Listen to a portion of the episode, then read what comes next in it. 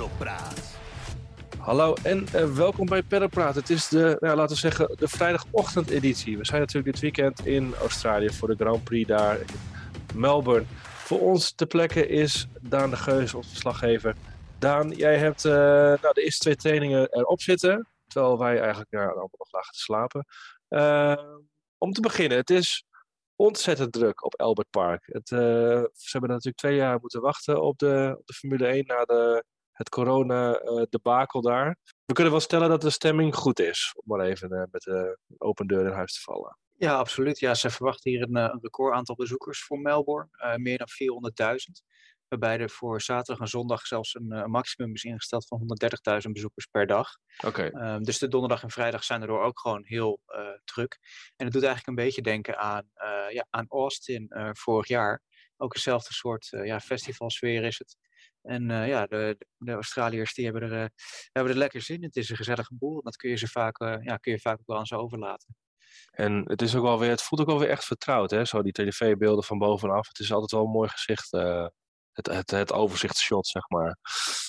Ja, absoluut. En Melbourne is ook zo'n herkenbaar circuit. Hè? Dat, als je dat dan ziet met die, die, die, uh, ja, die barrières dicht bij de baan. Een beetje je weet het meteen. in de achtergrond. Precies, het is niet met een andere baan te, te verwarren. En het doet ook heel erg denken aan een, uh, ja, aan een Amerikaans of uh, Australisch circuit eigenlijk daardoor. Het is echt duidelijk niet, niet in Europa. Nee. En over het circuit gesproken, er zijn, uh, ja, ze hadden twee jaar de tijd om iets te bedenken en om het uit te voeren. Ze hebben het nodige veranderd.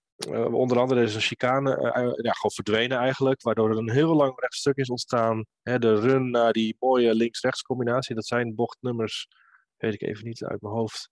Uh, ik zou het kaartje erbij moeten pakken. Maar volgens mij, de, de, de, vroeger was die chicane die daarna volgt 11, uh, 10 en 11. Oh ja. Um, ja, nu verwijder je dan wat bochtennummers, dus dat zal er nu 8 en 9 zijn, vermoed ik. Uh, dus dat zijn nu, het is nu 11 en 12 volgens het kaartje wat ik hier heb. Oké, okay. ja, ja, ze hebben wel een handje van om een ja. knik in het rechte stuk nog als bochten mee te tellen. Ja, ik zie dat uh, bocht 9 en 10, die zijn inderdaad niet vooral, uh, verdwenen qua nummers, maar nee. de, de, de, echte chicane is er niet meer inderdaad. Is het een verbetering? Is er, is, is er iets over te zeggen nu na de eerste dag? Nou, de coureurs waren er volgens mij allemaal behoorlijk over te spreken. Of je echt beter kan gaan inhalen daardoor, dat moet uh, de tijd natuurlijk uitwijzen.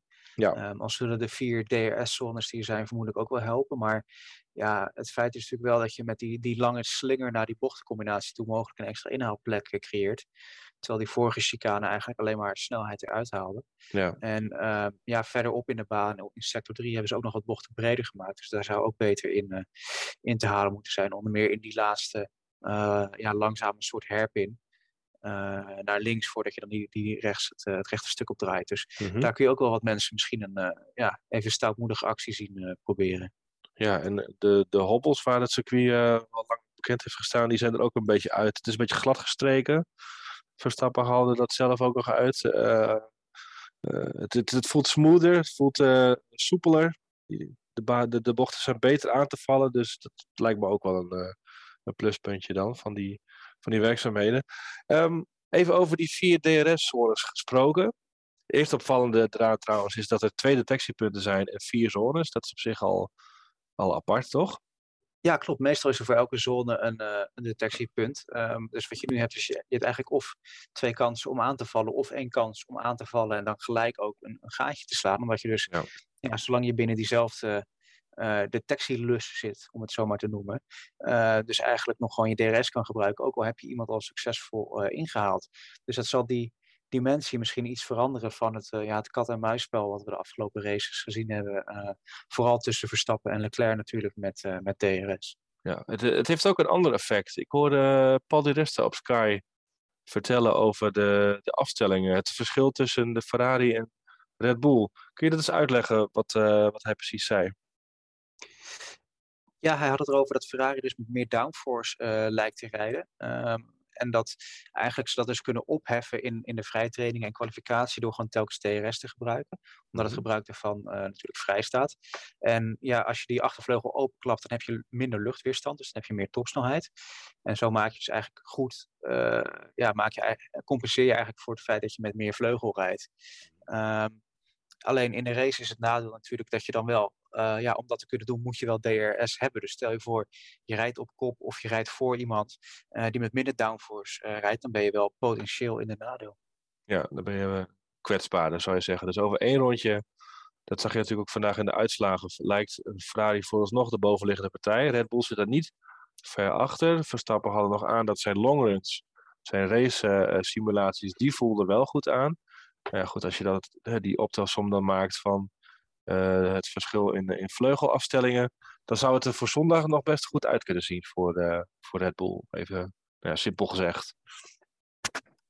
Ja, het is, het is zeker uh, weer heel close. Ik denk dat dat eigenlijk de enige conclusie is die, die je kan trekken nu.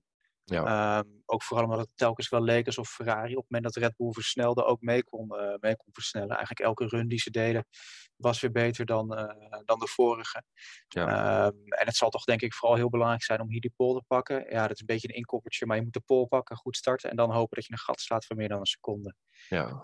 Um, en als, als dat Ferrari lukt, ja, dan, dan maakt het natuurlijk niet uit dat ze met iets meer vleugel rijden. Maar wat Red Bull betreft, het zag er inderdaad uh, ja, best wel goed uit. Nadat het in het begin van de dag eigenlijk iets minder liep. Verstappen die um, over de radio het een en ander te klagen had. Over dat de auto niet wilde insturen vooral. Um, en naarmate de tweede training vorderde vooral, wist hij toch wel een betere uh, setup uh, te vinden. Um, en ja, dus voor hem is te hopen dat, hij, dat dat morgen nog steeds zo is. Wie er nou ja, minder goed bij zit, dat zijn andermaal de zilverpijlen. Mercedes heeft het nog niet, uh, het lijkt nog niet boven. Nu is dat natuurlijk ook lastig in, uh, om dat in twee weken te vinden met een uh, nou ja, transfer naar Down Under.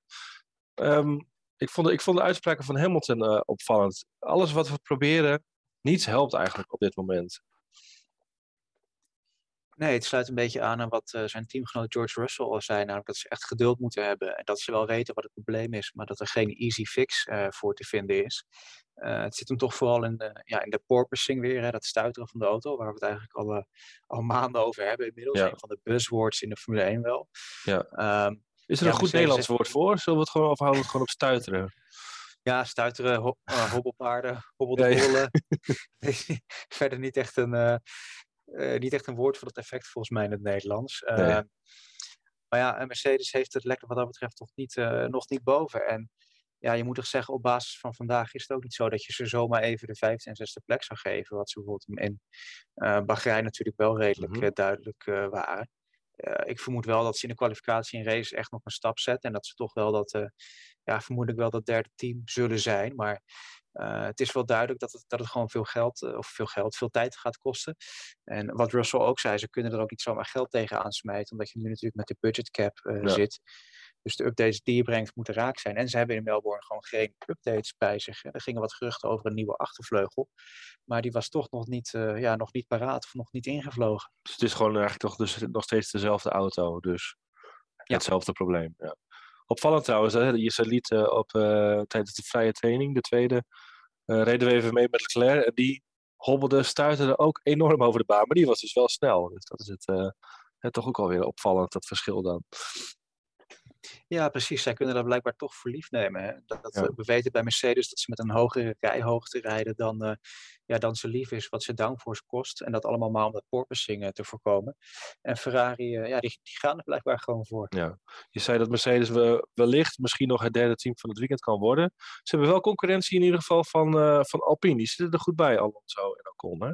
Ja, absoluut. Volgens mij was Alonso aan het eind van de dag vierde en Ocon zesde. Dus uh, op zich positief. Um, ze waren in Saoedi-Arabië natuurlijk ook al sterk. Ook een baan met, met veel lange rechte stukken. Ja. Um, ik denk dat de veranderingen aan, aan, Albert Park daarom ook wel gunstig zijn voor Alpine.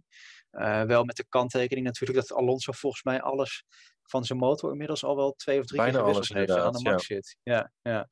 Dus ja. Uh, de betrouwbaarheid is misschien nog niet je van het. Maar nee. de snelheid is, is behoorlijk. Het ging ook nog over andere motoren hè, dit weekend. En die motoren zijn nog niet aanwezig. Maar uh, Volkswagen heeft in principe nou ja, groen licht gegeven om, uh, om in te stappen. En dat zou dan moeten gebeuren met Porsche en Audi.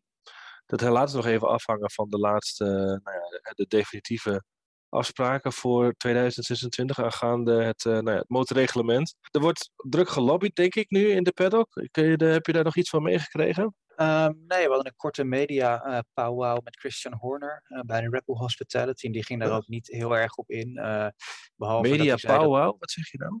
Ja, zo noem ik het maar even, joh. Ah, Oké, Met, eh, ja, ga verder. Ehm, die werd natuurlijk gevraagd naar hoe het nou zit met Ja. Porsche, wat vooral met Red Bull in verband wordt gebracht. En hij zei van ja, het is logisch dat wij met, eh, met beide partijen eh, spreken. Eh, al gaat iedereen ervan uit dat het toch inderdaad Porsche zal worden voor, voor Red Bull. Eh, Ja. Red Bull heeft natuurlijk die eigen motorafdeling opgezet. Eh, Er zou heel goed mee samengewerkt kunnen worden met Porsche. Mhm. Ehm, zullen andere fabrikanten daar wel met argusogen naar kijken natuurlijk ook. Want een van de struikelblokken nog voor de nieuwe regels is... eh, ja, wat voor extra vrijheid geef je nou aan nieuwe fabrikanten... die een, ja, een kennisachterstand hebben natuurlijk. Mhm. Ehm, en ja, een Mercedes en Renault en Ferrari zullen er niet op zitten te wachten... dat eh, en Red Bull en Porsche gelijktijdig dat, van dat soort vrijheid gebruik maken... en een motor ontwikkelen en dan... hè, op het eind een beetje hun huiswerk naast elkaar gaan leggen en het beste van alles eh, bij elkaar ja. verzamelen. Ehm, Dat spel is ja, ook alweer begonnen, natuurlijk. Hij wel, spel, wij dat, niet. eh, ja.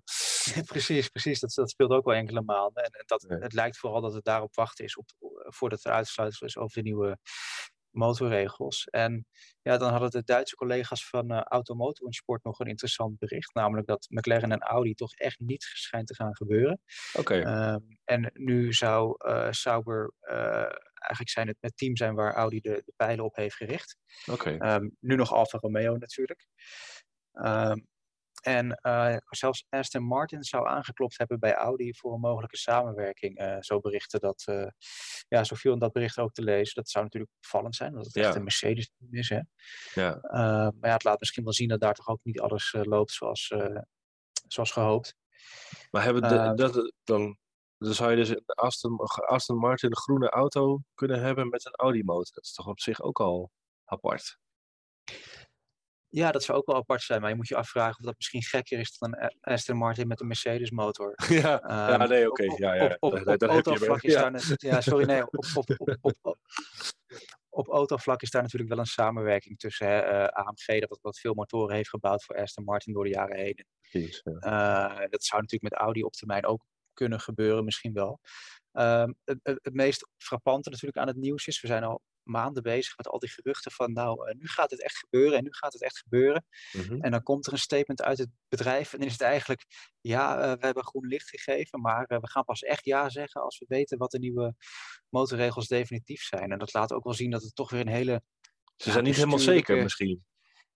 ja, ja, en ook Of- gewoon een beetje, een beetje dat zorgwekkende. Dat je denkt van het is toch echt weer zo'n zo'n enorme multinational, zo'n gigant die op zo'n hele bestuurlijke manier naar dat project kijkt. En je hoopt Ja. dat dat in ieder geval op de technische afdelingen niet het geval zal zijn. En dat mensen daar gewoon hun werk eh, kunnen doen. Zijn ze dan toch een soort van bang of zo? Eh, eh, bijvoorbeeld Porsche is natuurlijk heel erg aan het inzetten op eh, de elektrificatie van zijn auto's. Dat ze dan misschien de Formule 1, eh, is dat niet iets van gisteren? Is dat nog wel iets van morgen? Dat ze zich daar toch nog niet helemaal over uit zijn? Ja, dat is wel apart, hè? want bijvoorbeeld Audi heeft zich natuurlijk juist teruggetrokken uit de Formule 1 met het fabrieksteam. Die gaan ook Ja, geen ja. normaal hypercar bouwen, bijvoorbeeld. Nee. Ehm, aan de andere kant, inderdaad, Porsche zet vol in op elektrisch. Er was hier zelfs vanochtend een soort, eh, een soort race tussen een of andere rallyauto en een supercar en een, eh, zo'n Porsche Taycan. Nou, Eh. de, de winnaar laat zich raden, denk ik.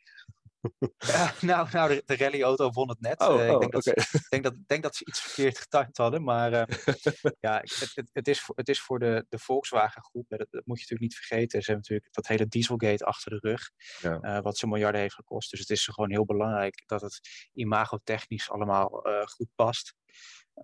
En de Formule 1 zal dus ook met een plaatje naar buiten moeten komen van een, ja, een, een duurzame nieuwe motorformule. Ja, maar goed. Tot zover. Dat, wordt, dat wordt vast nog vervolgd. Ehm, nog één incidentje dan nog eh, eh, vanochtend. Dat ging eh, niet over vierwielers, maar over tweewielers. Ja, klopt. Ja, Sebastian Vettel die viel stil tijdens de eerste training met motorpech. En toen ja, leende hij een, een scooter van een, ja, van een baansuppost en deed nog even een rondje Melbourne. En dat krijgt Dat mogelijk nog niet. een staartje. Nee, nee. Ja.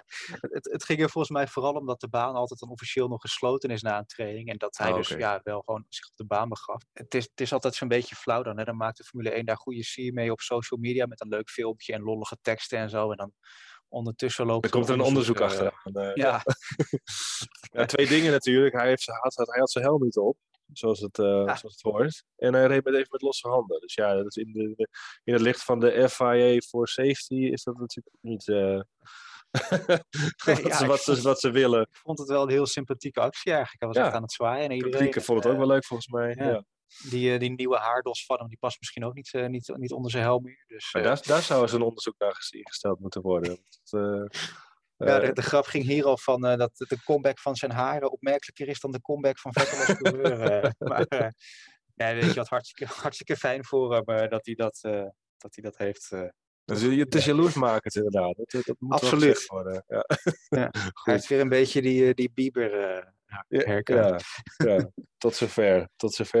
Lijkt me een goed moment om een streep onder te zetten. We gaan ja, morgenochtend zien hoe de verhoudingen echt liggen. Over één rondje dan althans. Eh Daan, bedankt. We spreken jou, ik denk, zondag weer. Want voor maandag eh, onze uitzending, dan zit je al in het vliegtuig terug. Hou in de tussentijd onze site formule1.nl in de gaten voor het laatste nieuws. En dan melden wij ons eh, maandagochtend weer. Dan is Rick Winkelman van Ziggo bij ons te gast. En dan gaan we met z'n vieren met collega's André Venema en Mike Mulder napraten over deze Grand Prix van Australië. En dan zeg ik voor nu tot dan en bedankt voor het luisteren. Perlpraat.